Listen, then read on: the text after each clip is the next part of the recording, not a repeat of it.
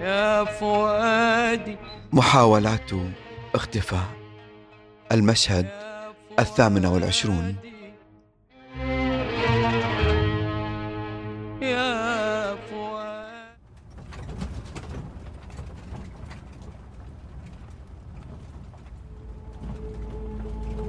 كانت منطقة بعيدة وعرة الطرق ونائية نوعا ما. ورغم محاولات حمزة تلطيف الأجواء بين أمه وخالته وأبي ولكن لا مجيب. كان الجميع صامتا مبتئسا ما عداي أنا. وقد كنت سعيدا منتشيا أخطط لمستقبلي معها. أتخيلها بثوب زفاف أبيض كما كانت تتمنى مقلدة بذلك الغرب في طقوس زواجهم. كنت أراني في مخيلتي ببدلة سوداء وربطة عنق حمراء أنيقة. لأبتسم وأزيل الفكرة من رأسي فمن سيتقبلني بذلك الوضع الغريب؟ حتى صفية ذاتها لن تقبل بذلك. آه أزيح الهم وكذبت النبوءة المشؤومة. وها نحن نقترب من منزل العرافة المزورة التي تعب حمزة كثيرا حتى استطاع أن يصل لمكانها. رغم توقعاتنا جميعا باحتمالية موتها حيث أنها تكبر أمي وخالتي بكثير. ولكن حمزة أكد لنا بأنها ما زالت على قيد الحياة إذ قام بزيارتها مسبقا ليتأكد أنها هي المرأة المقصودة. لأعرف الآن ما كان يلمح إليه حمزة حين أخبرني بأنه وجد حلا لمصابي وأمه. كم أنا سعيد. بطبطبات يد أمي على كتفي وأنا ملق رأسي على كتفها وخالتي البائسة ما زالت ممسكة بيدي تقبلها تارة وتسح عليها الدمع تارة أخرى. الاثنتين تمسحان الدمع الصامت. أجساد هامدة من الحوار الساخن الذي دار بينهما.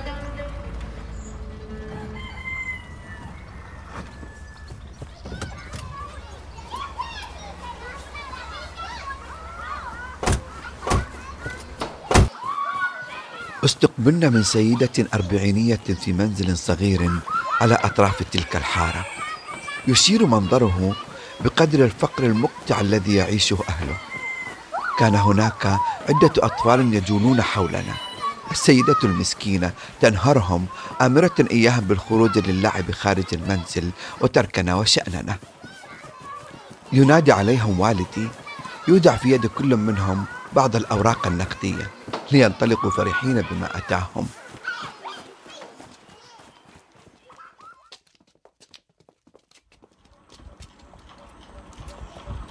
أدخلتنا لغرفة صغيرة شبه مظلمة.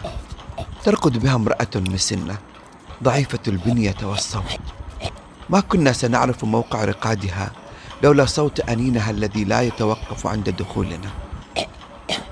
استوقف حمزة المرأة المرافقة لنا. أخرج من جيبه ظرف أبيض دسه في يدها. توسطنا الغرفة وجميعنا ننظر لتلك المسجات على فراشها البسيط وبصوت مبحوح من أنفاس تآكلتها السنون. غنية غنية من ذيلي. لتجيب السيدة معازيبك اللي تلعين عليهم تبي تشوفينهم من تحت مريضة؟ زليخة واختها فاطمة. وكأن الحياة دبت في جذرها الوهن من جديد. فطيم يتاي زاد يتاي. خايف أموت ما شايفت انك زليخة كذبت علي يا زليخة.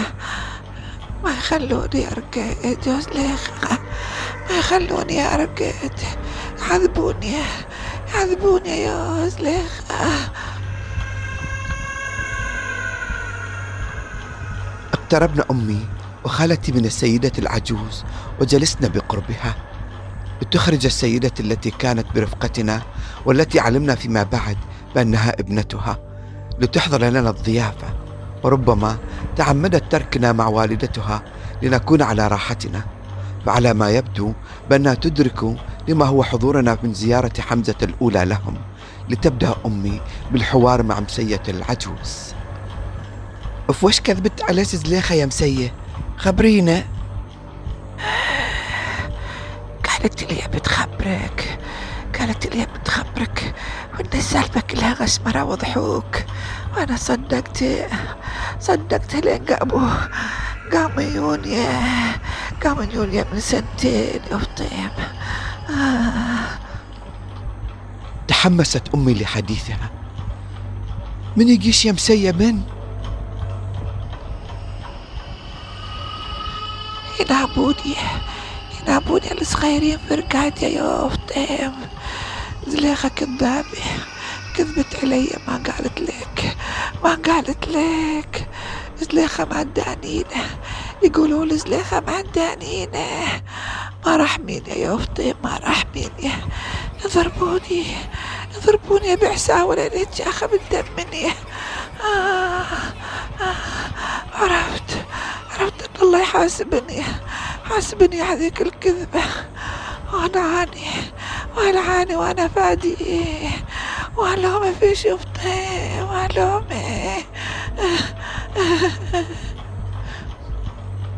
قست إلي بستين أختك. قالت لي بتمازحك وبتخبرك وأنا صدقتي. سألت سألت وقالوا لي معيلة عندك ولد. فرحت لك. يا يعني هالريال خبرني بالسالفة اللي استوت عليك. تأكدت إن هذا عقاب الله من الله علي. عقاب من الله علي.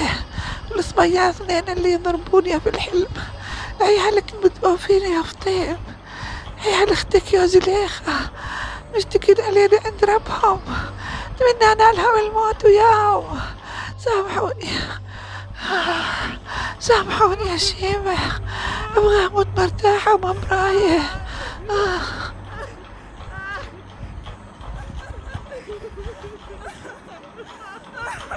ساد الصمت إلا من بكاء أمي وخالتي.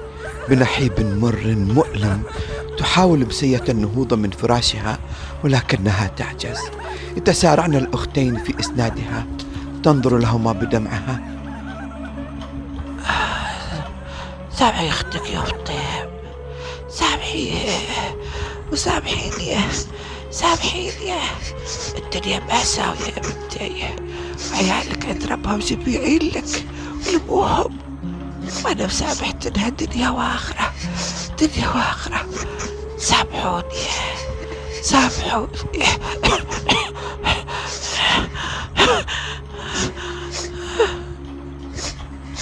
قبلت أمي وخالتي رأس السيدة بعد أن تعاهدتا أمامها على الصلح والسماح. خرجنا جميعا من هناك بعد أن أخذت أمي غنية ابنة مسية على جنب هي وحمزة يوصونها على أمها. ولترتب أمي مع حمزة بتوصيل مؤونة شهرية للمرأة وأطفالها كما أخبرته بأن يشرع في ترميم منزلهم وتحسين وضعهم. قبلت غنية يد أمي وهي تبكي وتحمد الله على ذلك المعروف الذي ستسديه لهم. حيلتنا للبقاء أكثر ولكننا أصرينا على الرحيل.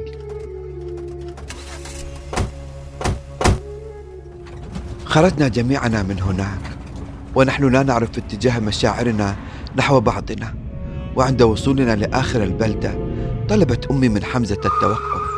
ترجلت من السيارة وأخرجتني معها احتضنتني بشدة وإذ بها تزغرد زغرودة طويلة مدوية تتلوها بزغرودة تلو الأخرى وهي تمسح الدمع وأبي يصيح بها ركبي ركبي فضحتينا قدام الناس.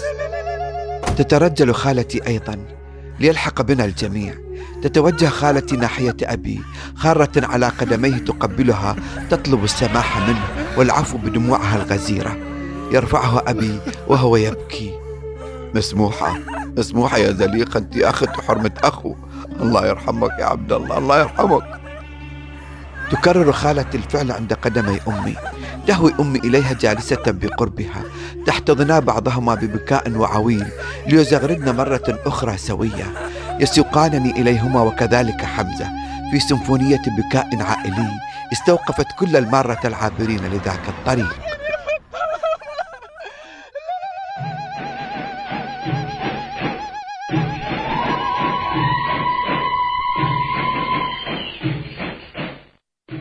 كانت ترتب لي عمتي وترصها جيدا على رأسي. ترش العطر على ثوبي تنزل بالمبخرة تدسه تحت الثوب. لتمتلئ الغرفة برائحة البخور الزكية. كانت تبتسم ابتسامة مكتومة البكاء. أيقظت ذلك من ملامحها. أخذت المبخرة من يدها. احتضنتها. بإمكانك تغيير رأيك. بإمكاني العيش دونها. لا تخافي علي. لا تأتين على نفسك وقلبك لأجلي يا هنية. فأنا اعتدت الألم. تقاطعني مبتسمة متأملة ملامحي بعينيها وكفيها. سعدت بسعادتك وأنا عارفة أنك ما بتقصر في أنا وولادك. هذا قدرنا يا أولادي لازم نتقبله. روح روح اخطبها وتزوج صدقني والله والله ما حاسة أنك بتخونني. على كثر احساسي إني أسعدك. وأسعد نفسي بسعادتك. وما اشوفها تضحية بالعكس. أنا أقوم بواجبي كزوجة وأم خاف على بيتها واولادها وزوجها. مبروك مقدما. يلا قوم الجماعة ينتظروك مسحت دمعها قبلت رأسها وانصرفت.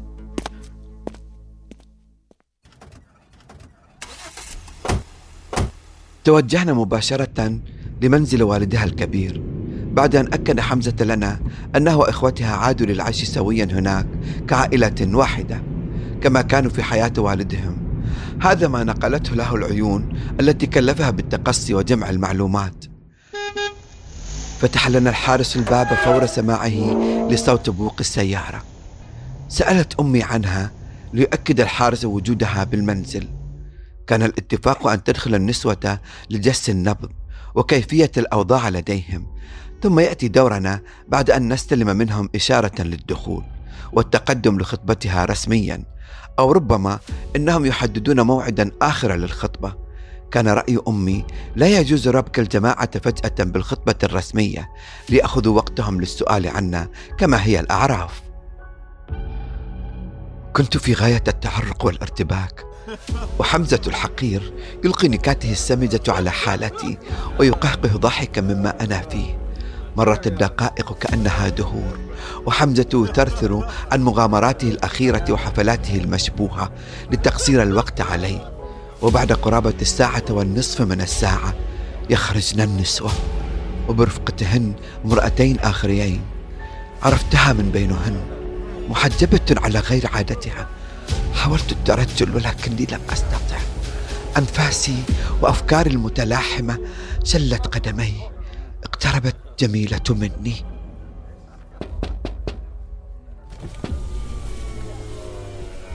تعال نزلت باك. بسرعة أنا حد يجي من الرجال وأشوفكم. لم أستطع. تجمدت مكاني. لتفتح جميلة باب السيارة. مدت يدها لي. سلمتها يدي.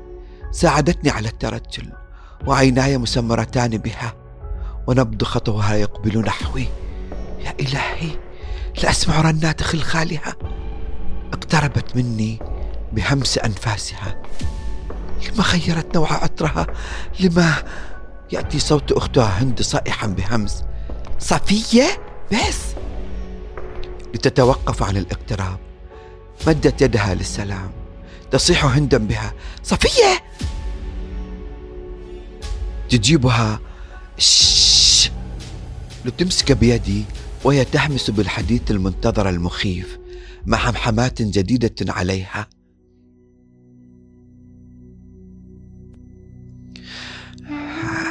لما خذلتك لأول مرة سلمتك لأمك. كان عشان سعادتك والحفاظ على حياتك. ضحيت بحبي لك عشانك. كنت أموت في كل لحظة تبعد خطواتك عني. أعرفك تألمت وأنا بعد تألمت. بس عشنا. واليوم اليوم بختلك للمرة الثانية. بس هالمرة هالمرة عشاني. عشان أكثر من إن عشانك. من بعدك بعدك أنا قررت أتغير. رجعت للعائلة وقدمت اللي كنت أظنها تنازلات. قبلت بشروطهم تحجبت وتزوجت. كان صرحا من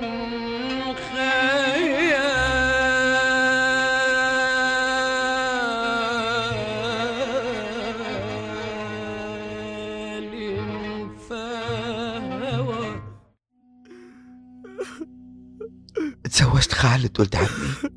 أخو فهد. وفي غمرة حديثها ما كان بإمكاني الصمت فبحت بآهات حارقة وهي مسترسلة في الحديث. ولو تعرف وين كان الهانيمون؟ رحنا الحج تخيل. حجيت. صرت حاجة. حسيت بشعور لا يوصف من الطمأنينة والسلام. دعيت لك ودعيت لي. ارتحت كثير. كثير ارتحت. حسيت انه إن الله بعده يحبني. ورجعت. رجعت وأنا محققة أكبر أحلامي. الله استجاب لي أخيرا. لتقترب مني أكثر. وصوت هند المؤنب لها يرافق خطوها. وأنا كلي سمع وألم. تهمس في اذني ايا بيجنت أنا حامل. تخيل الله بيرزقني البيبي اللي ياما حلمت فيه. الله مو كاتب يكون منك هذا مو بيدي ولا بيدك. يمكن يكون خيرة. بالذات إن خالد إنسان متفهم جدا وخلوق. أنا قلت لك كل شيء عني وعنك وعن الماضي. بصراحة مو كل شيء. تحداني إنه يغيرني؟ وغيرني وحاسة فعلا إني معاه أفضل. والحين يا دورك تضحي لسعادتي وسعادتك. ارجع لزوجتك اللي تحبك وعيالك. أنا حاليا إنسانة غير غير اللي حبيتها وعرفتها قبل. صفية القديمة ماتت ماتت ولازم تتقبل رحيلها ونكتفي بالذكريات الجميلة اللي بيننا وبينها. مع السلامة. أرجوك سامحني. لتترك يداي المخرسة بدمعنا. تاركة فيها خلقالها الفضي. وتنضم لأختها في الرحيل. لداخل منزلهم وعالمها الجديد. صعد الجميع للسيارة. وأنا ما زلت متسمرا أستوعب ما سمعت ورأيت.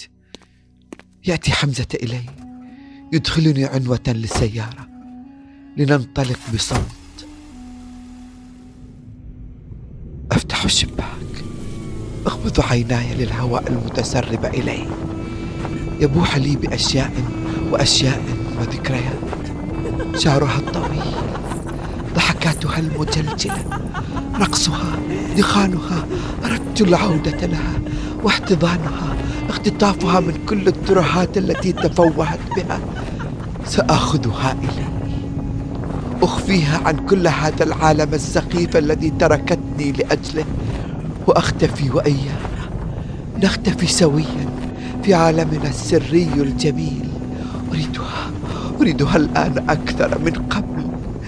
يأتي همسها مع الريح تعال. تعال أحبك.